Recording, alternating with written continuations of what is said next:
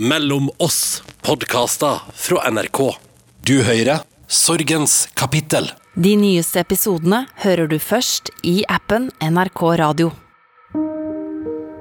Man skulle jo tro at når man har heftig erfaring på sorgarbeid, så har man alle svarene. Jeg mista mannen min for tre år siden da han fikk hjerteinfarkt og døde under en joggetur sommeren 2018. Og jeg bør jo vite, mer enn noen andre, hvordan man oppfører seg overfor en som sørger. Men det er akkurat det. Sorg er så ulikt fra menneske til menneske. Og når jeg møter noen som er der, så vet jeg ofte ikke helt hva jeg skal si. Men det som er så fint, er at vi som har kjent sorgens jerngrep, fort finner et fellesskap. Hvor det er trygt å være, hvor vi kan dele erfaringer, tanker og ting vi har sagt og gjort. Jeg heter Karen Marie Berg, og dette er Sorgens kapittel. Lara Rashid er for alltid lillesøstera til Bano. Men Bano hun ble henretta på kloss hold på Kjærlighetsstien på Utøya 22.07.2011. Lillesøster Lara hun overlevde massakren, og er i dag journalist i VG. Hun har nettopp gitt ut bok om sorgen over det å miste storesøstera si. Jeg husker jeg tenkte at vi var udødelige. Vi hadde overlevd så mye. Eh, og jeg vet at vi bare var barn, og i barnehodet så tenker man jo at eh, man skal leve for alltid. At døden det, bare, det skjedde bare gamle folk og syke folk. Eh, og det skjedde liksom Det skjedde ikke oss, da. Vi hadde jo overlevd krig, vi hadde jo overlevd flukt. Vi, kunne, altså, vi var jo udødelige. Du husker kanskje Bano fra nyhetene? Hun var den blide, mørkhåra jenta som lånte gummistøvlene sine til Gro Harlem Brundtland på Utøya bare timer før massakren fant sted.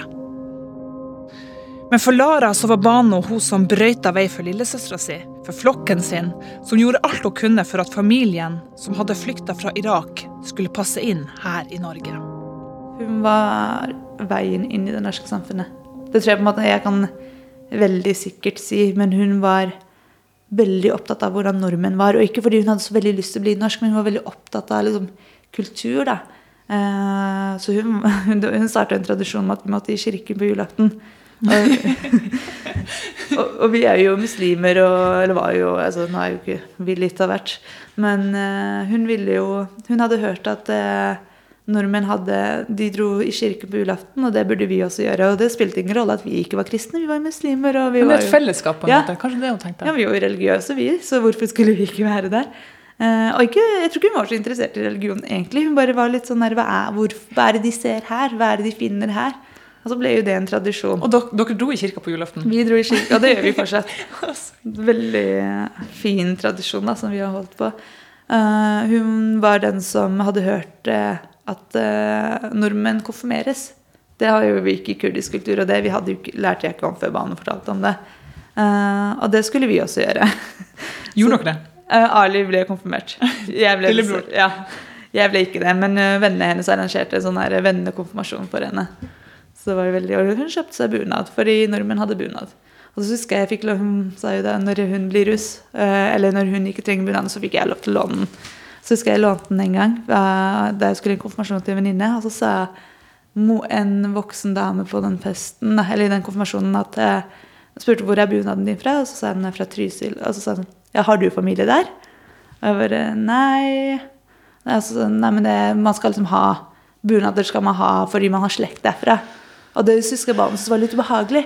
Fordi eh, hun lurte på om hun kunne få lov til å bruke den bunaden selv om hun ikke hadde slekt der. Så det er jo, ja. Jeg tror hun er ofte alltid, uansett hvor hardt hun prøvde, så tror jeg det var noen så små stikk da. Så hvor hun gjorde, lurte på om Det var men- greit, eller? Ja, er det egentlig greit?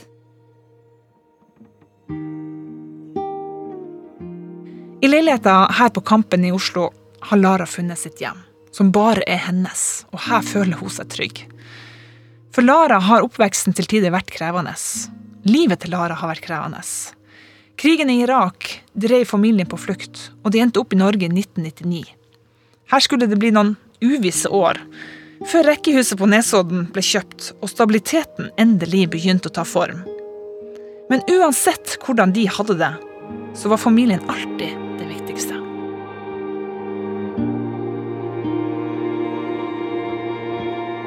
Og det husker jeg pappa sa, så lenge jeg kan gi dere omsorg og kjærlighet, så er, det, så er dere fri til å gjøre hva dere vil. Men det, så jeg tror jeg har alltid hatt en veldig sånn trygg familierelasjon og veldig godt forhold til familien min, og spesielt veldig godt forhold til barna siden vi var så jevnaldrende. Men hva er det som har gjort at det har vært ustabilt? Det har jo vært at siden vi kom som asylsøkere, vi hadde ikke fast bosted, bodde på asylmottak i ett år, bodde i kommunalbolig i noen år, bodde eh, kjøpte, altså kjøpte vi oss egen eh, rekkehus i 2008, tror jeg. Hvor gammel var du da? Da var jeg vel 13 eh, år, da vi flytta inn i rekkehuset. Eh, og så kom finanskrisa, da, så, da, hadde vi så dårlig økonomi at Bane og jeg måtte være med å betale for at vi skulle ha råd til mat.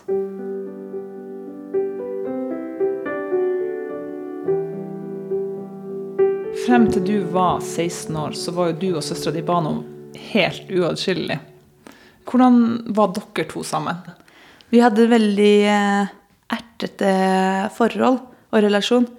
Vi ertet hverandre og lo og forsto hverandre veldig godt. Eh, vi snakket jo om alt og ingenting. Og vi for min del Vi snakka liksom ikke så mye om hva vår relasjon da, så det er bare jeg som kan sitte igjen og snakke om hva vår relasjon var. Uh, og det syns jeg er litt vondt. at Jeg skulle liksom ønske jeg kunne høre med henne Ja, men følte du det også sånn? Eller er det bare jeg som sitter igjen og tenker det? Og jeg er ganske sikker på at hun følte det samme. Men jeg husker at jeg tenkte Jeg følte veldig hennes smerte og hennes glede. Hvis hun var glad, så var jeg glad, og hvis hun var lei seg, så var jeg lei meg. Og det var så fysiske følelser, da. At det gjorde Det stakk i hjertet hvis jeg hørte henne gråte. Og det bare vred seg i magen, og det var så innmari vondt, da. Uh, og hvis hun var glad, så var jeg veldig glad. Og det, jeg kunne kjenne når, hun, når det kilte i hennes mage, så følte jeg også at det kilte i min mage. Så um, vi var veldig, veldig vi, Jeg opplevde at vi kjente hverandres følelser. Jeg følte i hvert fall at jeg kjente hennes følelser. Og at vi forsto hverandre. At vi snakka mye om eh, altså Vi var jo unge og små, så vi snakka jo mye om gutter og vennskap. Og altså husker jeg at hun sa, det syns jeg er så vondt i dag, at hun sa jo for, altså Når man går på ungdomsskolen, så krangler man jo mye med venner. Og så sa hun men det går fint at du krangler med venner, jeg vil alltid være her. Og du kommer jo ikke til å miste meg. Um, og så ble jo hun den første jeg mistet. Og det tror jeg også har gjort meg da i ettertid veldig sånn redd for å miste andre. da. At jeg vet at folk kan forsvinne, og at vennskap kan Også når jeg mister venner, eh, ikke bare altså at folk dør, men når man Jeg syns det er veldig vondt når jeg ikke Ja, når jeg mister venner. Jeg har også erfart det der at man skal aldri si at uh, jeg er her for alltid. Ja. For det gjorde vi også til ungene den sommeren. Vi satt og spiste middag, og så, eh, så spurte ungene hvor gammel er vi når dere dør. Og Da gikk vi jo gjennom liksom, hvor gammel de kom til å være. Ja, dere er 60 år, eller, eller ja. det, liksom, nei, Hvis jeg dør når jeg er 90, så er dere 60. Og så går det bare noen uker, og så dør jo Hans Christian. Og da er det veldig vanskelig å forklare til eh, to sånne små at eh, vi kan ikke gjøre det på nytt igjen. Jeg kan liksom ikke love dem at jeg kan være her for alltid. Mm. For nå har de jo erfart det. Eh, at at livet er så skjørt at man kan miste folk. Ja. Og det er litt sånn brutalt. Du var jo veldig ung, eh, og de her ungene jeg har, er jo også ja. bitte små. Det er det, da. Livet har lært meg at det er veldig skjørt, og det kan plutselig ta en brutal vending.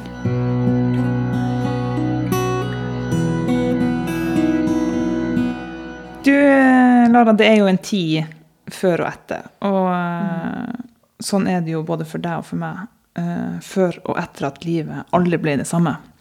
Uh, med ulik kraft og bakteppe, da. Du skulle jo komme til å betale en umenneskelig høy pris fordi at du og Bano dro på sommerleir på Utøya. Hvordan kom dere på at dere skulle dra på denne sommeren? Dere hadde jo aldri vært på AUF-leir på Utøya før.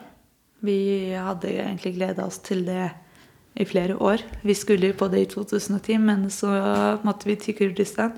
Og alle utlendinger kjenner seg igjen i det når man må dra og besøke hjemlandet i mange, og veldig lenge om gangen. Og man gjør det egentlig bare for foreldrenes skyld. Så vi hadde sagt i 2011 at eh, nå kan ikke vi bli med mer. Fordi vi vil være, eh, ha vanlig sommerferie, vi vil dra på festival, vi vil dra på AUF sommerleir.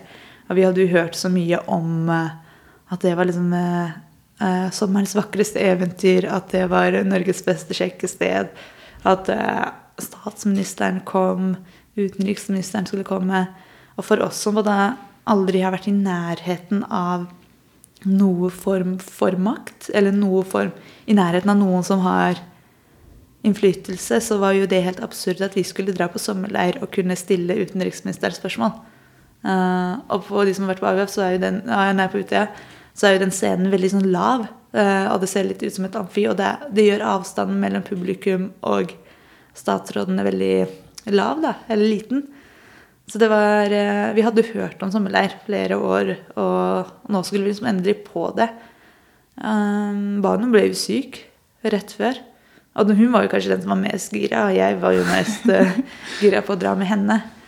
Um, Og så jeg, hadde, jeg hadde så lyst til å dra, da, så jeg pakket bagen hennes og var liksom der, masserte henne og lagde te til henne. Og da hadde jeg allerede gått ett år på Steinerskolen, så jeg hadde jo lært at timian timian det kan kurere alt. Så jeg hadde plukket, jeg hadde fått noen sånne timianblader av uh, moren til en venninne. Og så sa jeg sånn hvis du drikker det, så kommer du til å bli bedre. Det sa moren til Julia. Uh, og så ble hun, eh, kom dagen etter, og alt var klart og pakket og klart. og sånn, Så sa jeg sånn, føler du deg bedre? Og da sa hun det gjør jeg ikke, så jeg tror ikke jeg kommer. Så da dro jeg alene først. Uh, Når reiste du? Hvilken dag var det du dro? Åh, jeg tror det var 20. Ja, så kom hun 21. Uh, og det var veldig gøy da jeg kom, men det var bare sånn derre Jeg følte meg alltid sterkere med henne. Det var litt sånn derre Jeg følte meg kulere med henne. Tøffere, morsommere. Og vi fylte hverandre, da, så jeg syntes det var litt, sånn, litt, skummelt å være alene. Jeg følte ikke jeg klarte å være like morsom og like kul alene. Og så ringte hun litt senere Nei, så ringte hun meg dagen etter 21. og sa at jeg føler meg mye bedre. Jeg kommer litt senere. Så hun kom den 21. juli. Og så ble vi der, da. Og det har jeg ganske dårlig samvittighet. Jeg har veldig jeg prøver, og jeg vet at det ikke var min feil, og jeg vet at det ikke uh, var jeg som presset henne til å komme. Men jeg skulle virkelig, virkelig ønske at hun uh, At jeg ikke gjorde det. Eller at jeg ba henne om ikke å komme. At hun hadde vært syk litt lenger? Ja. Selvfølgelig skulle jeg ønske det. Og jeg vet at det ikke er min feil at hun ble frisk, jeg vet at det ikke er min feil at hun ble syk. Men det er bare noe med at man, Jeg tror når man lever med en sånn derre hva hvis så lenge? Så sitter jo jeg igjen. Hva hvis vi hadde vært sammen da skytingen begynte? Hva hvis hun bare ikke kom? Hva hvis politiet hadde kommet tidligere? Hva hvis uh, Breivik hadde blitt sett tidligere, da, eller oppdaget tidligere? Så man graver seg lenge i sånn hva hvis. Og det er jo Det kommer man jo ingen vei med. Altså, og i starten, Nå tenker jeg jo ikke sånn lenger, men i starten så husker jeg at jeg tenkte hvis jeg tenker hardt nok på det, og hvis jeg graver meg ned i det, så kan jeg, klarer jeg å lage meg en idé om at det ikke skjedde, da. Uh, eller kan jeg omgjøre Det var bare noe med det sterke, sterke ønsket om å omgjøre det som skjedde. Uh, og jeg var jo bare 16 år igjen, så det er ikke noe sånn Det er noe med at uh, Det var bare ikke til å tro, da.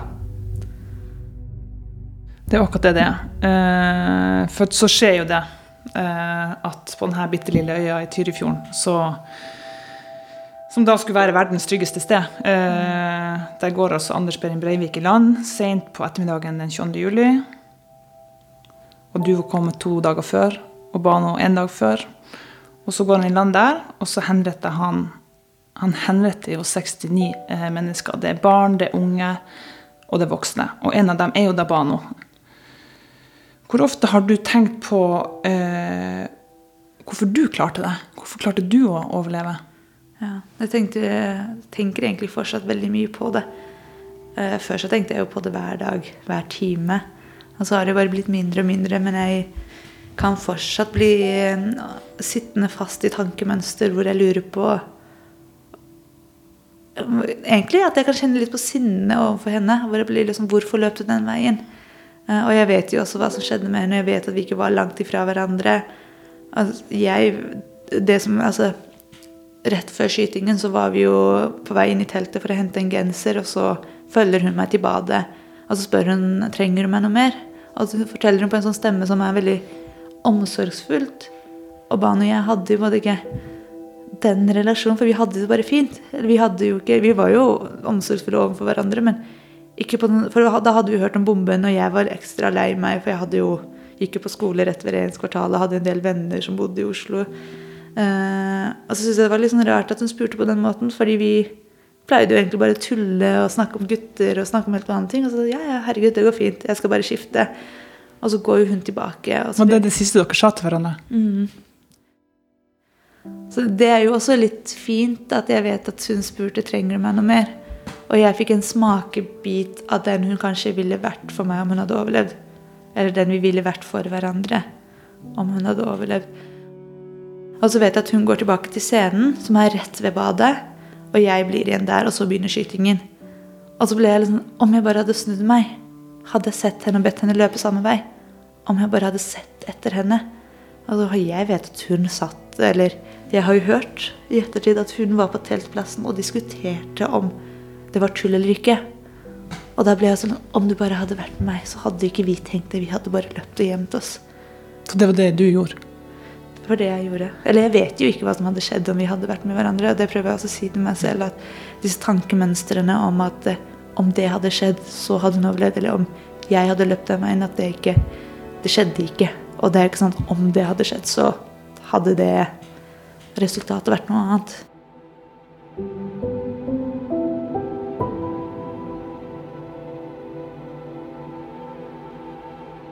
Jeg var jo liksom ganske ytterst og føler jo kanskje at jeg fikk sånn forsprang. Eh, så når jeg hørte folk løpe forbi, så tenkte jeg meg jo ikke om og bare begynte å løpe inn i skogen med etter folk. da. Og jeg ropte jo 'hva er det som foregår, hvorfor løper vi?' Han så sier noe, hører ikke skytingen. Og da føler jeg meg så dum, for jeg, sånn, selvfølgelig hører jeg skyting, jeg bare tenker ikke at det er skyting. Eh, og så løper Bano, hun er jo ved scenen, og så løper hun over teltplassen, og der stopper de opp og begynner å snakke og tenke hva som skjer. Og så løper de inn mot skogen, og Breivik går også over teltplassen og inn mot skogen og skyter dem. Da legger de seg De er jo ti stykker. Jeg må bare passe på at jeg vil liksom ikke fortelle andres historie også. Men eh, de er i hvert fall ti stykker som legger seg ned. De, de har laget et køsystem for å komme seg ned mot skrenten, hvor det er en slags type gjemmested, og hvor flere blir skutt og drept. Uh, og så legger de seg ned altså, Eller de hører at han kommer, og da bare legger de seg ned og tenker jeg skal spille døde. Og så henretter han dem én etter én. Mens jeg går jo også inn i skogen og mot kjærlighetstiden, men jeg er jo lenger bort. Så han har jo ikke Mens han skyter dem, så rekker jo jeg å tenke at dette er ikke et gjemmested. Jeg klatrer ned veggen. Eh, nei, fjellveggen. Og så Jeg skal ikke si jeg husker jeg tenkte, for jeg vet at jeg ikke tenkte. Jeg vet at jeg i ettertid har tenkt. Eh, men det var veldig sånn Det var veldig vanskelig å komme ned. Jeg måtte holde meg i grener, og det var jo livsfarlig. Uh, og veldig sånn ja, farlig skrent å klatre ned, da. Men jeg har i ettertid tenkt jo farligere det var, jo tryggere var det. Så klatrer jeg ned den fjellveggen og gjemmer meg under en fjellhylle. Og så er det stille en stund, og da begynner jeg å låne telefonen og uh, sende melding til pappa. Uh, jeg kan jo ikke nummeret til banen utenat, så henne får jeg jo på en måte ikke ringt. Eh, pappa, pappas nummer er det eneste jeg kan utenat, og det er det jo fortsatt for øvrig. Eh, og så mm, blir vi sittende ja, der ganske lenge og småprater. Og på et tidspunkt så er skuddene så langt unna at jeg tenker at nå er det bare kampen om tida. Jeg, vet ikke om jeg tenker det. Det er sånn jeg tenk, har tenkt i ettertid. Men eh, jeg føler meg i hvert fall litt tryggere. Og så plutselig så hører vi skytingen drithøyt. Kjempehøyt. Og så kommer en gjeng løpende og sier 'han kommer, han kommer'. Og så sier en annen uh, 'eneste muligheten er å svømme'. Uh, det er ikke noe Vi må svømme, det er ikke noe steder å gjemme seg. Så begynner jeg å svømme, og det er jo veldig tungt, og jeg har på meg klær, og jeg, og jeg er veldig redd for at han skal se meg ovenifra. Så da begynner jeg å svømme tilbake og svømme rundt øya istedenfor, og da er jeg jo, klarer jeg å komme et sted som er jo rett ved Bano. Men det er jo hun drept for flere minutter siden, da. Og der blir vi i den grotten helt til noen henter oss.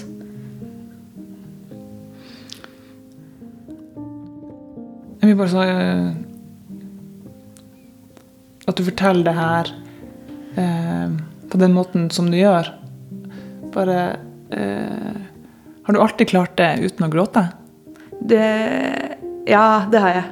Jeg eh, eh, Det som skjedde på Utøya, i hvert fall med meg, har jeg aldri grått over. Eh, Jeg synes jeg har ikke fortalt så mye om det som skjedde med meg. Og jeg tror at jeg eh, egentlig fram til nylig har hatt så dårlig samvittighet for å leve og tenkt at Men jeg lever, så min historie er ikke så interessant. Det er jo de dødes historie vi skal fortelle. Eh, og vært litt sånn herre Jeg har ikke hatt lyst til at det skal handle om meg. Og jeg har ikke hatt lyst til å få oppmerksomhet for å ha overlevd. Altså, men så har det vært veldig veldig viktig for meg å holde Bano i live og fortelle om henne. Og der har jeg også følt, hatt veldig dårlig samvittighet for til tider så uh, føler jeg at jeg ikke har klart det. Um, og da husker jeg spesielt Paul Greengrass-filmen da de, skulle, da de tok, tok kontakt med meg. Så var jo ikke jeg syntes ikke det var så interessant at de skulle lage film med meg. Netflix. Ja, den Netflix-filmen. Uh, men det var veldig viktig for meg å fortelle Banos historie. At de skulle fortelle om min søster. Hun skulle jo ikke bli glemt. Og når de da valgte å fortelle min historie, men ikke ha henne med, da følte jeg at jeg hadde svikta henne. Og da slet jeg skikkelig med Nei, da bare ville jeg trekke meg fra alt sammen og var sånn Dette er ikke den historien jeg vil være med på. Hvis Bano ikke skal være med, så vil ikke jeg være med. Altså jeg- Men det er ganske utrolig hvor mye dårlig samvittighet man kan få. Det er det. Det er bare, det, det er bare Men det som er litt eh, Jeg vet ikke hvorfor man får det, og jeg vet at det er vanlig. Men noe jeg syns også har vært litt vanskelig, er jo når folk sier Ja, men det må du ikke ha. Og skulle, jeg skulle heller ønske at folk sa Ja, men det må være vondt å ha de følelsene. Og det må være vondt å leve med det.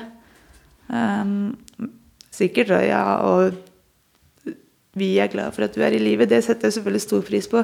Men jeg hater når folk sier at det må jeg ikke ha. For da tenk, skammer jeg meg over følelsene mine. Og da prøver jeg å holde dem mer skjult. Så det, det syns jeg også har vært sånn Jeg vet ikke hvorfor man har så dårlig samvittighet, men det er bare med den, det ønsket om å gjøre om, da. Og så tror jeg jo at jeg har levd veldig sånn de siste årene med sånn oppdrag om å holde Bano i live. Og så føltes det kanskje som jeg ikke har klart det til tider, da.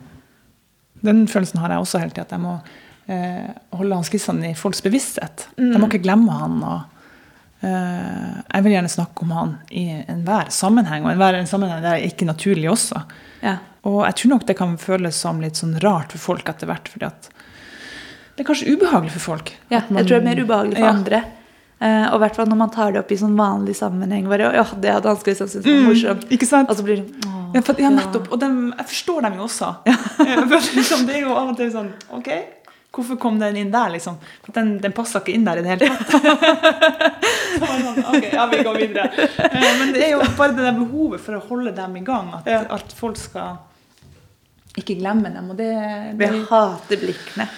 Jeg hater de blikkene jeg får hvis jeg tar henne opp i en vanlig setting. Medlidenhetsblikk, eller? Ja, de medlidenhetsblikkene. Og som er, åh, ja, ja, det er sikkert vondt for deg å si den setningen. Men egentlig ikke. Jeg ville bare si at dette var det jeg tenkte på nå. Ja. Men eh, du og Bano, det var jo noe helt spesielt. Har du noen gang opplevd en sånn relasjon med andre? Nei, det har jeg ikke. Jeg tror jeg lett veldig etter folk som kan eh, fylle det tomhullet. Eh, både hos gutter og vennskap og ja, forskjellige ting. Men jeg tror jeg har ikke Jeg føler meg ganske alene. Eh, og jeg har funnet en veldig trygghet i meg selv og, som gjør at jeg ikke føler meg så alene lenger. Men den der eh, relasjonen har jeg ikke hatt med noen andre. Og det tror jeg heller ikke jeg får. Og jeg tenker jeg er glad for at det skjedde. Og jeg veldig, setter veldig pris på at jeg fikk oppleve det. Og så ser jeg jo stikker det litt da, når jeg ser andre søsken ha det. For da blir jeg litt sånn der åh, Skjønner dere hvor heldige dere er? Ja. Så noen ganger syns jeg det er litt vondt å se venner som har veldig Vondt og fint. Det er ikke sånn at jeg blir bitter. Jeg syns det er veldig, veldig fint. Men det gjør vondt også å se andre søsken, da, og kanskje spesielt søstre. Det gjør vondt først, Ja. og så blir det fint etterpå. Sånn har jeg det i hvert fall når jeg Ja. ser noen som er glad i hverandre. og Hvis, det, hvis jeg bare ser et par, så kan liksom, hvis de tar på hverandre eller de stryker hverandre over ryggen, så tenker jeg sånn, åh, det der hadde jeg også en gang. Men så, så tenker jeg sånn, ja ja, ok, greit. Men jeg har hatt det. Ja. Det er jo det som er den verdien. Vi har jo hatt det. Det er jo ikke alle som har hatt det. Det er veldig sant. Jeg hører jo på søsken og søstre som aldri har hatt noen relasjon. Ikke sant? Og da blir jeg liksom, da har jeg lyst til å filleriste dem, for jeg skjønner ikke at det fins noe så fint her? Ja.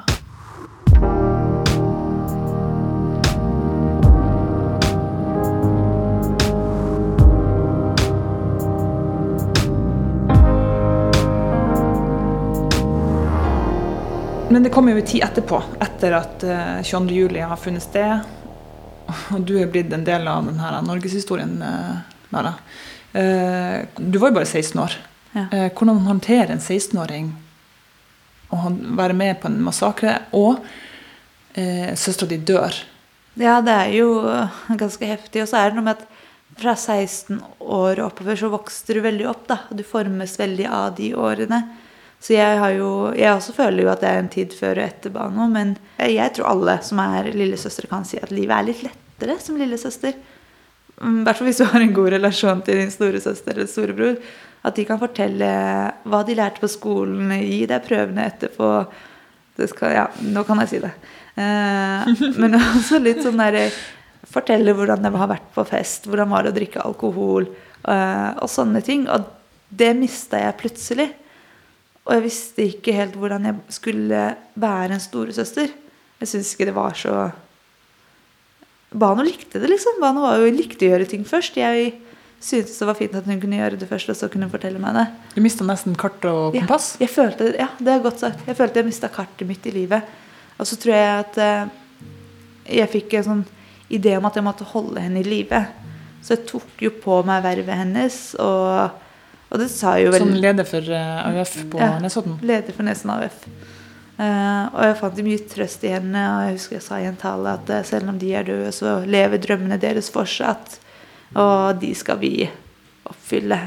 Og da prøvde jeg å tenke hva er mannens drømmer? Hva ville hun blitt, og hva ville hun gjort? Og, og så var jeg det var jo, Jeg fant masse trøst i det i starten og syntes det var veldig gøy og veldig stort. Og jeg gikk jo liksom fra å være helt vanlig, litt stusslig jente til eh, å bli, ta på meg lederverv, bli invitert på eh, Eller ha få utenriksministeren på besøk.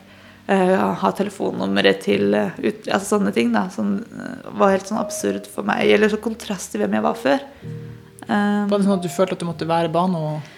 jeg følte jeg måtte være Bano. Og så var det mange som sa nå skal du leve for to. Og det Jeg vet ikke hvordan man lever for to. Ja, så jeg tror at jeg tenkte at men da er jeg Bano og litt mindre Lara. Og så tror jeg jeg glemte hvem Lara var med tida.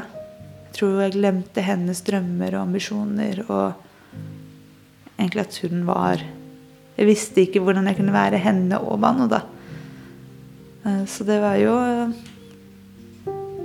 Jeg tror jeg gikk de ti årene med en sånn ganske sterk feiloppfatning som ble styrket av det andre også sa. Og det tenker jeg så mye med media at når de skrev om meg, så skrev de 'søstera til Bano' eller eh, 'Ute er overlevende'. Så De tok jo også navnet mitt. Det var jo også det at jeg var ikke noe god på å være Bano heller. Det, Nei, hadde- naturlig nok. Nei, ikke sant? Det tror jeg hun hadde klart mye bedre selv. da. Og det også hadde jeg et mareritt om at hun hadde, så litt sånn øh, Når hun ble irritert over at jeg tok klærne hennes, så hadde jeg mareritt om at hun var skuffet over meg. Og skuffet over at jeg ikke klarte meg bedre. Og jeg som hadde fått lov til å leve, at jeg ikke klarte å Jeg har jo klart mye, men øh, at jeg ikke gikk ut med toppkarakterer, at jeg ikke hadde fått meg drømmejobben ennå, at jeg var, bare var i en 50% stilling, at jeg hadde funnet meg en jobb som eh, jeg hatet, rett og slett ikke var noe god på. Eh, så tror jeg da jeg var i den situasjonen med den arbeidsplassen, at jeg tenkte at nå, nå ser jeg ikke noe framtid lenger. Og da sykemeldte jeg meg, og så prøvde jeg å finne ut av er det som hva er det jeg liker med alt det jeg har gjort? da? Hva er det, eller Hvorfor har jeg ikke likt det? Og så oppdaga jeg egentlig at det, det å studere politikk ikke har jo, det har jo ikke vært bortkasta. Jeg syns det var veldig mye fint og spennende med studiene. Men, og det å bo i Bosnia var jo kjempespennende. Men jeg tror i alt det jeg gjorde, så syntes jeg menneskene var det mest spennende. Jeg syntes det var i møte med folk, og jeg visste jo at jeg var god til å skrive, og jeg likte å skrive. Så da, sendte, da søkte jeg på en ny bachelorgrad i journalistikk. For da har du jo havna på rett hylle ved å bli journalist, for det er jo mennesker som er i sentrum Ja. i journalistikken. Så nå, nå opplever jeg at jeg er et sted hvor jeg har drømmeyrket mitt. Og for første gang på lenge så føler jeg også at barna er veldig stolt av meg. At hun, jeg kan se for meg at hun er litt sånn der Å, fortell hvordan det var på jobb, da. Hva gjorde du? Hvem snakka du med? Og hvordan er kollegaen? At du jeg ser henne mye nærere nå, eller jeg føler meg mye nærere henne nå når jeg har funnet tilbake til meg selv. Men hvor gammel var du da du fant tilbake til deg sjøl? Er det nå, liksom? Ja, Er det det- ti år etterpå? Praktisk talt. Jeg tror, ja. Egentlig i starten av dette året så flytta jeg inn i egen leilighet og fikk tid til å tenke. Ja, så gikk jeg jo og har jo gått i terapi. Jeg var ganske sånn heavy terapi.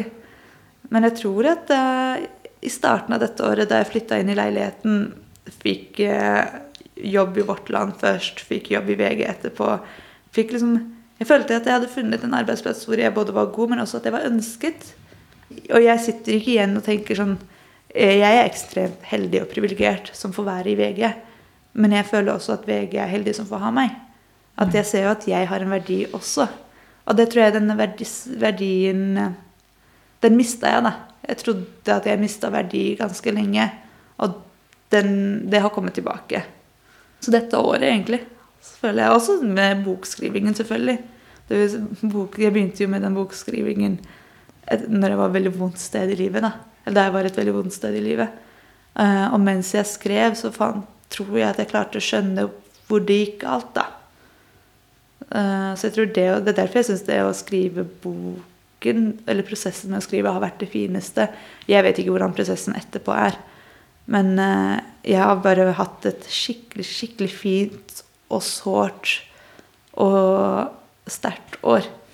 Og jeg har vært veldig i kontakt med de følelsene. Så jeg har jo både sittet, hvor jeg har både sittet og grått og ledd mens jeg har skrevet. Og det er jo Nei, jeg føler jeg har vært i kontakt med følelsene mine.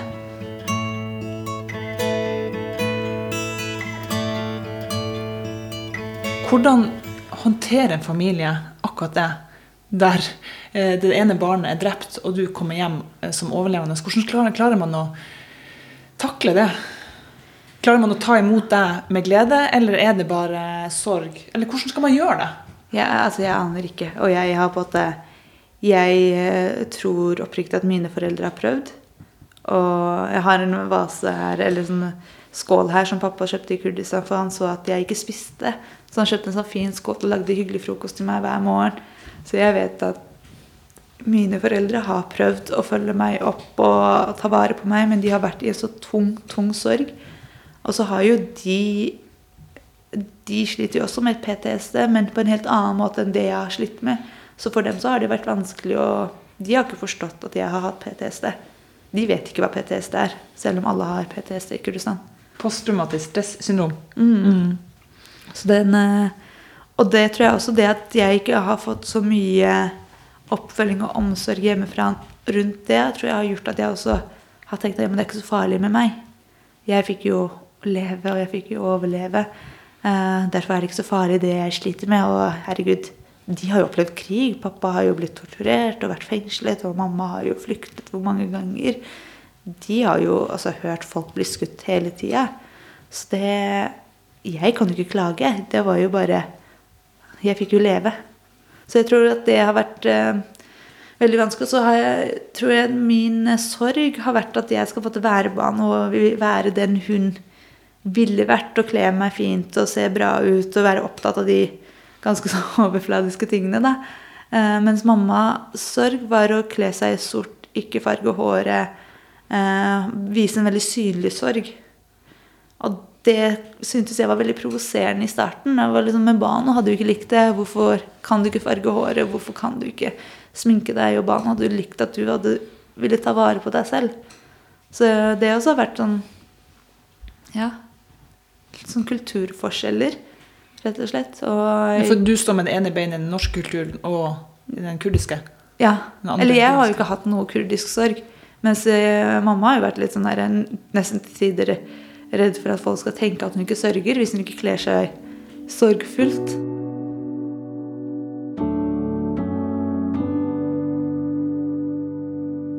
Snakka dere noe sammen om, Nei. det dere hadde opplevd? Nei, det gjorde vi ikke. Det er først nå vi gjør det. På grunn av boka eller av tida? Av boka, egentlig. Hvis jeg, eh, For å skrive den boka jeg har skrevet, så må jeg også snakke med foreldrene mine. Og det har vært tøft. Men jeg, jeg tror det er Jeg vet ikke om du kjenner det igjen, men noen ganger så blir jeg litt sånn der Hva er det å snakke? Alle sier du må snakke om det. Uh, og jeg kan snakke om barnet i en hverdagslig situasjon, men jeg vet ikke helt hva det er å snakke om. At det jeg savner henne, at eh, jeg tenker mye på hvor grotesk det var, hvor redd hun var. Altså, det, har- jeg vet ikke. Jeg vet ikke om jeg klarer å snakke så mye om det heller. Fordi det er så jævlig, da. Og mora di og faren din, de var jo ikke der. Jeg kan jo ikke forstå hva dere har gått igjennom. Nei. Jeg vet ikke. Har du forklart det til dem? Jeg tror at jeg selv har slitt så mye med å snakke om det at det er ikke sånn eh, Ja. Jeg selv sliter jo med å forklare til meg selv at det er lov å være lei seg og være sint for det du opplevde. At eh, jeg ikke burde oppleve det, jeg heller. Så det er vanskelig å forklare det til dem når jeg sliter med å forklare det til meg selv.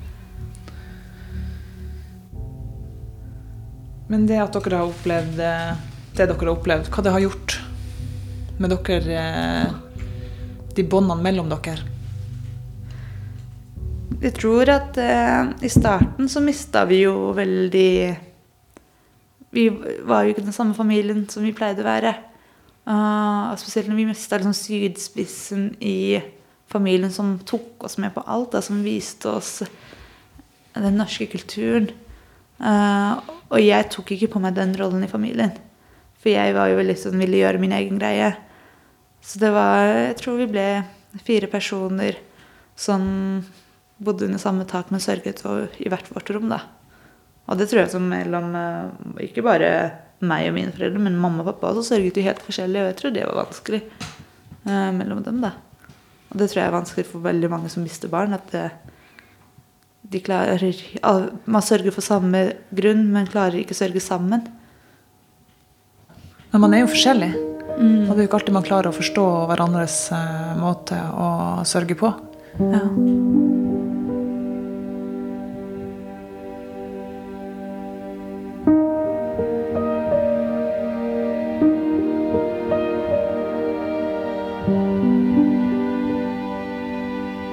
Lara og jeg vi kjenner ikke hverandre fra før av, men det er noe som binder oss sammen likevel. Og det er faktisk mannen min, han Hans Christian. Han var taleskriver for Jens Stoltenberg og var med på å skrive alle talene som statsministeren holdt i forbindelse med 22. juli. Og en ting er at jeg er glad for at det var nettopp han som var i den stillinga akkurat da. Jeg er jo kona hans og subjektiv herifra til Moen. Men så forteller Lara meg hvor mye de talene betydde for henne. At hun fant bitte litt trøst i de ordene som han, eh, Hans Christian skrev. Og det gjør meg altså så varm i hjertet at det kunne bety noe for henne.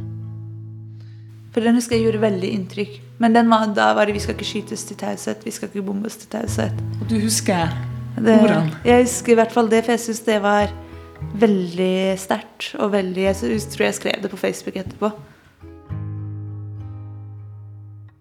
Det er et budskap fra hele Norge.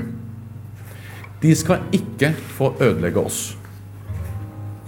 Dere skal ikke få ødelegge vårt demokrati og vårt engasjement for en bedre verden.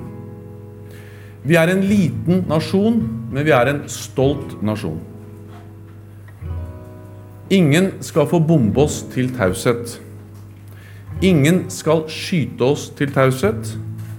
Ingen skal noensinne skremme oss fra å være Norge. Der og da så er det jo bare de ordene og den talen på Rådhusplassen som fikk meg til å føle meg som en del av fellesskapet, som jeg kanskje aldri hadde følt under oppveksten.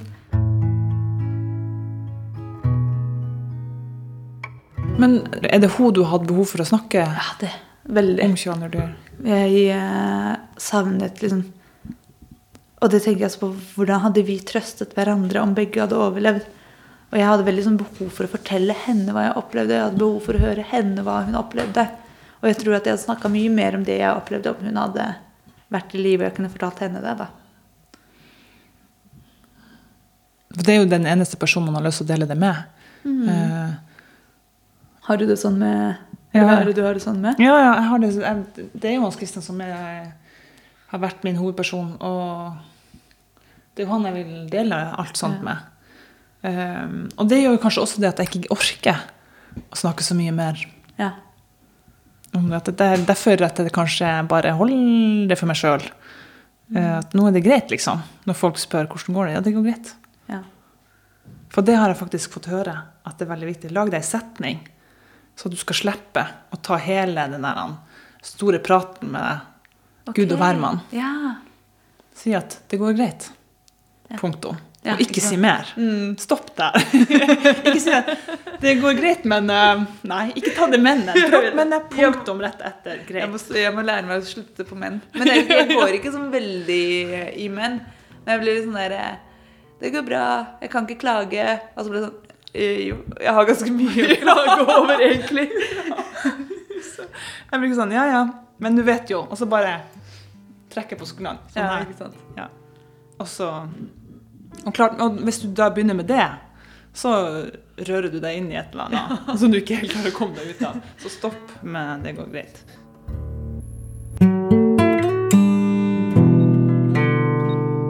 Men det, også, det opplever jeg også som en sånn dårlig side av meg. At jeg blir litt sjalu når andre klarer å ta den plassen. da. Som ikke har opplevd det like traumatiske og tragiske greier. At de tør å åpne seg og gråte om hvor fælt de har det for en litt mindre greie. At da blir jeg liksom litt sjalu. Jeg blir sånn, åh, skulle ønske jeg klarte å ta imot den omsorgen du tar imot for noe som er mye mindre enn det jeg har opplevd. Eh, Jeg skjønner, jeg skjønner hva du mener med det å ta imot omsorg, for det er veldig vanskelig. Det Jeg har tenkt faktisk mye på det i, i det siste. At jeg, hvorfor er jeg så lukket, og hvorfor er jeg så lite åpen for å ta imot omsorg? Hvorfor får jeg litt sånn derre cringe når hvis folk jeg hadde kommet og skulle ville ta rundt deg nå og gi deg klem Jeg vil liksom ikke bare holde ut. Det er nesten som jeg gjør det mer for å please den andre. At det er nesten andres behov for å klemme meg, og ikke mitt behov for uh, å gi noen, få en klem. da. Det veldig, ja, For meg så er det veldig sånn Jeg syns det er kjipt, jeg. Eller jeg vet ikke, jeg syns, jeg det er veldig sånn ubehagelig å få eh, Ja, men det er det. Ja, og så er det veldig mange som er sånn Kan jeg få gi deg en klem? Og så blir jeg sånn, Ja, ja. Okay. Det er så fælt å si, fordi folk er jo veldig Det er jo bare Det er bare godt ment. Ja. Ja. Og så jeg setter jeg veldig pris på den omsorgen og den kjærligheten, men jeg bare klarer ikke å ta den imot. Da. Og det, det har jeg tenkt mye på det siste året. Er det fordi jeg ble kanskje opplevd meg avvist allerede i starten? At jeg ikke har klart å ta den imot i dag? At jeg sliter med å akseptere at jeg fortjener den? Men jeg, jeg, i mitt hode vet jeg at jeg fortjener den, men jeg bare klarer ikke å ta den imot. Det der at du blir avvist, hva er det som skjer når du kommer hjem, da? Det som skjer, er at hele familien fra Sverige har kommet. Eh, Jeg sitter nede med vennene mine fra ungdomsskolen og spiser potetgull. Og, altså, de har med snacks. Og så snakker vi om eh, litt om det som skjedde. Og så begynner de å snakke om vanlige ting. Og da husker jeg sånn Å, gud, kommer jeg til å noen gang bli interessert i vanlige ting igjen? Og så begynner de å le, og så kommer tanten min ned og sier det er veldig uhøflig at dere ler. Og så går hun opp igjen. Og jeg husker at jeg ikke klarer å se på foreldrene mine. Eh, At jeg bare Jeg vet ikke om jeg sitter igjen og skammer meg sånn over hva som har skjedd. da. Over at jeg ikke kunne gi dem mer. At jeg ikke kunne, liksom, Det var jeg som ringte pappa og sa at eh, jeg lever. Og så spør han hvor er Bano. Har du hørt fra henne at jeg skammer meg over at jeg ikke kunne si at vi lever? Ehm, og jeg tror ikke, det er ikke det at de har avvist meg heller. Jeg tror bare at jeg selv slet så mye i starten og, og ikke ville ha en omsorg som kanskje andre viste meg også. Så ja. Men handler det om at du har dårlig samvittighet for at du overlevde? Jeg tror det, jeg tror det, det er no, at kjernen er der i det. Selv om jeg ikke har dårlig samvittighet i dag, så tror jeg at den der kroppen bare låser seg automatisk. Fordi jeg hadde det da. Altså, Hvordan skal man håndtere følelsene sine? Jeg ble sånn veldig voksen. Veldig brått voksen og veldig sånn Jeg lærte veldig tidlig å legge opp meg for å ta hensyn til andre. Eh, Og det tror jeg på en måte har blitt en sånn eh, nesten litt sånn Det sitter igjen, da. Og noen ganger så sier jeg jo til eh, folk at jeg føler meg yngre nå enn det jeg var da. Uh, og så sier de det er du ikke, du var veslevoksen da, du var ikke voksen. Men jeg føler meg så mye mer leken og mye mer eh, jeg snakker også om de overfladiske greiene med venner nå. Og jeg koser meg med det. Og derfor føler jeg meg mye mindre, mye yngre nå enn det jeg gjorde da jeg var 16. Fordi jeg tenkte at det var sånn Jeg kunne ikke bry meg om festing og gutter. og da jeg var 16 år. Mens nå er det det jeg snakker om. Og kan bli litt irritert hvis jeg alltid skal snakke om alvorlige ting. Men da du var 16 og etter 22. juli, var det sånn at du ikke kunne dra på en fest? Det, eller du kunne Nei, det var kjempeslitsomt. Jeg dro jo på fester, men det var bare veldig sånn eh, Da skulle alltid noen komme bort til meg og snakke om hvor de var den 22. juli, og eh, om hvor sterk de syntes jeg var, og litt sånn forskjellige ting, da. Så det var jo veldig Og jeg ville jo helst ikke drikke, for jeg ville jo ikke få som, sammenbrudd foran noen. Så det var veldig vanskelig å være 16 år. Jeg ble jo sånn som bare hang rundt unge voksne, da. Og det er ikke bra. Eller jeg, er veldig Jeg husker jeg syntes det var kult at folk sa at jeg var så moden for alderen, og nå er jeg litt sånn Jeg skulle ønske noen sa at jeg ikke var det. At jeg ikke trengte å være moden for alderen. At jeg bare var 16 år. Og at jeg kunne leve som en 16-åring. Så når jeg hører folk si det nå, bare, ja, men hun er så moden for alderen, så blir det sånn Nei, folk skal ikke være moden for alderen. Men det er klart, du hadde jo fått en erfaring som eh, var helt vill. Og ingen hadde den før meg som kan fortelle hvordan det skulle gå, eller hvordan jeg skulle håndtere det. Så jeg måtte finne ut av det selv, og det gikk ikke så bra. Det er akkurat det. Man trenger jo å høre noen som har. Men ikke sant, en massakre, det er Ja. der søstera dør. Det er ingen, det her, hvem skal du finne andre som har opplevd det samme? Ja. Og det husker jeg lette liksom etter eh, bøker eller sorg. Spesielt sånne bøker om folk som hadde mistet søstera si, og det fantes heller ikke.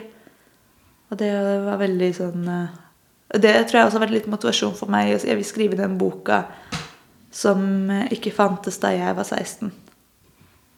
Og så håper jeg selvfølgelig ingen opplever det jeg har opplevd, men eh, så kanskje jeg mister en, en søsken på en unaturlig måte. da Som kan lese den og tenke at men det kommer til å gå bra.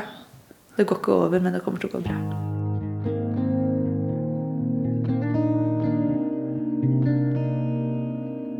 Det er også sånn Jeg føler jeg har fått eh, ekstremt gode samtaler.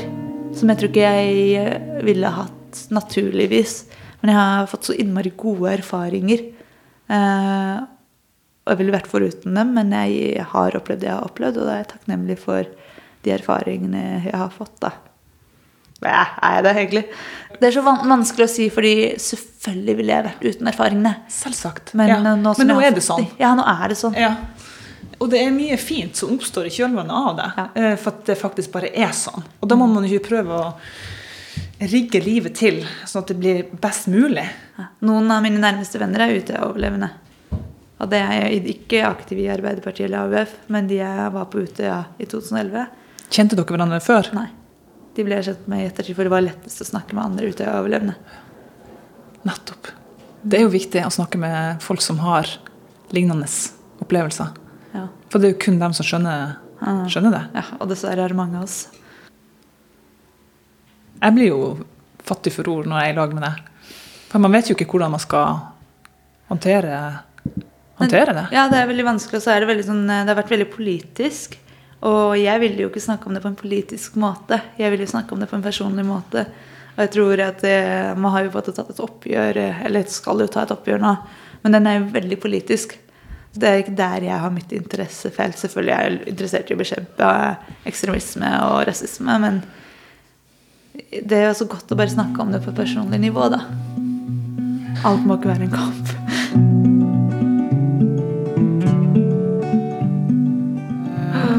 Herregud, jeg, må bare, jeg hadde en avtale om 19.00. Oi! Men jeg glemte helt sånn. Jeg vet ikke hvorfor jeg tenkte at, eh, at vi var ferdig klokken syv. Sitter han der nå? Nei, nei, det er en date-ish. Men apropos det.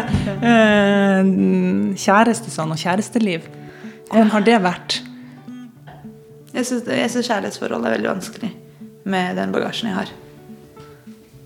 Og så tror jeg forresten jeg er veldig redd for, av, jeg er veldig redd for å miste folk. Jeg er veldig redd for relasjonsbrudd. Og det også syns jeg gjør det vanskelig å gå inn i et forhold. Da. Jeg orker ikke gå gjennom eh, brudd. Jeg tror det, der, det står fortsatt så nært hvor vondt det har vært, at det orker jeg ikke. Men hvis jeg skulle Så du gidder ikke å starte på det, for du gidder ikke at det skal Altså, det- Du takler ikke det at det skal kanskje Da må det være en som er så bra at jeg glemmer hvor vondt det har vært. Og det er ikke så lett. Jeg er veldig kravstor. Ja, det er vi. Han må jo selvfølgelig tåle det. Og det er jo noe med det at eh, Men jeg vet at jeg selv veldig lett går inn i en sånn der eh, At jeg selv ikke skal være mye eh, i forhold til gutter. At jeg prøver, I hvert fall tidligere så har jeg prøvd å leke kul. Og husker jeg var med, en fyr, og så begynte han å, snakke om 22. juli. Da, og så sa jeg sånn her, ja, du må passe på at, det ikke blir, eh, at vi ikke uh, syr puter under armene på noen. At jeg selv blir litt sånn hard. Uh, at jeg selv blir kravstor til oss overlevende. For jeg hadde lyst til at han skulle tro at Men jeg er jo ikke en av de der gærne som sliter masse med det. Eh, og derfor syns jeg også det er litt sånn skummelt å gå inn i et forhold, fordi jeg vet at jeg selv lett vil prøve å være kul og virke som jeg ikke sliter med det.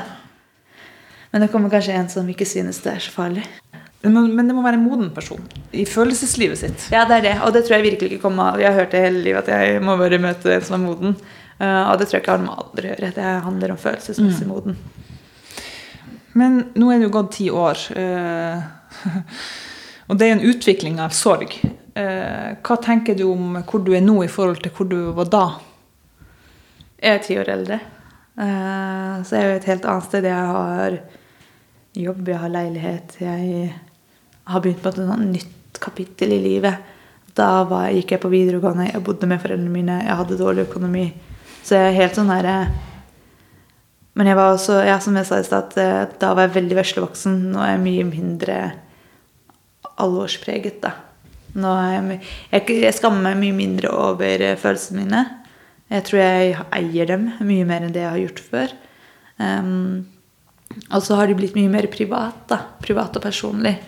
Eh, ikke sånn at det er hemmelig, det er det ikke. Og det er jeg veldig opptatt av at det er ikke en hemmelighet hva jeg har opplevd. Men eh, det er ikke noe jeg snakker om i hverdagen, da. Og så sitter vi nå i leiligheta di på Kampen, som du eier sjøl. Hvor viktig har det vært for deg å ha eget, et eget hjem? Det har vært alt for meg. Det å ha et trygt sted. eh, Et sted hvor jeg kan eh, føle og gråte i fred. Det å, å eh, ha et trygt hjem å komme til. Da. Og jeg tror at etter 2. juli så var jeg veldig opptatt av å finne en base. Eller jeg flytta mye på meg. Og så trodde jeg liksom at jeg skulle finne der, en person som skulle fylle tomrommet, og lette veldig etter den ene personen. Og det at jeg fikk egen leilighet, føler jeg at jeg har klart å bygge opp eh, og bli den personen for meg selv. da. Og jeg vet at det er verdens største klisjé, men jeg opplever oppriktig at jeg Og jobber fortsatt med det. Men å være den personen som jeg er tryggest med. Og det er jo meg selv. er det narsissistisk å si? Nei, det er jo veldig viktig. Det er veldig, avgjørende. viktig. Ja, jeg er veldig trygg med meg selv, da. Jeg har det veldig fint med meg selv. Og jeg tror kanskje det har gjort at jeg har blitt litt sånn der, veldig glad i å være alene. For nå vet jeg hvor deilig det er. Men hvis du, da du bodde i kollektiv, eh, hva, hva gjorde at det var vanskelig? Det, var kjempe, ja, det tror jeg veldig få av de jeg har bodd i kollektiv med. Men jeg syns det var veldig vanskelig hvis de glemte å låse døra. Eh, jeg syns det var veldig vanskelig hvis eh, noen plutselig kom hjem midt på natta. Eh, og jeg hadde veldig mye mareritt om det. da, At eh, liksom, noen kom inn på rommet mitt og skulle liksom skyte meg eller drepe meg eller ja, andre ting. da. Uh, og nå når jeg har de marerittene, så våkner jeg og vet at jeg er alene. Da vet jeg at det ikke er noen som er i leiligheten. Jeg vet at ingen har glemt å låse døra. Jeg vet at ingen har vært inne på rommet mitt. Uh, Jeg vet at det ikke er og det altså, med kollektiv er et Folk har jo fester plutselig, så plutselig kommer de hjem og spør ja, da var det fest. ja. For min del var det veldig vanskelig å bo i kollektiv, men jeg vet at andre utoverlevende har syntes det har vært fint å slippe å være alene. Men her er det, det her er din borg, det her er din, eh, ditt hovedsted. Ja, virkelig. Det er jo mitt hjem. Tenk at eh, fire vegger kan ha så mye å si. Jeg vet det. Litt Men det, jeg tror det er liksom eh, Og det sa jeg til pappa. mm, Herfra så må jeg liksom bare bygge meg selv opp igjen. Og det starter med dette hjemmet. Det starta med det hjemmet her, og det fortsatte med boka Ja. Altså jobb. og jobb. Det går jo rette veien, Lara. Det er ikke bano lenger nå. Nei. Gir det deg dårlig samvittighet? Fortsatt? Det er vondt. Ikke dårlig samvittighet, men det er vondt. Mm. Men det er noe med at det er greit at det er vondt, da. Jeg prøver ikke å undertrykke de følelsene lenger. Det er fint.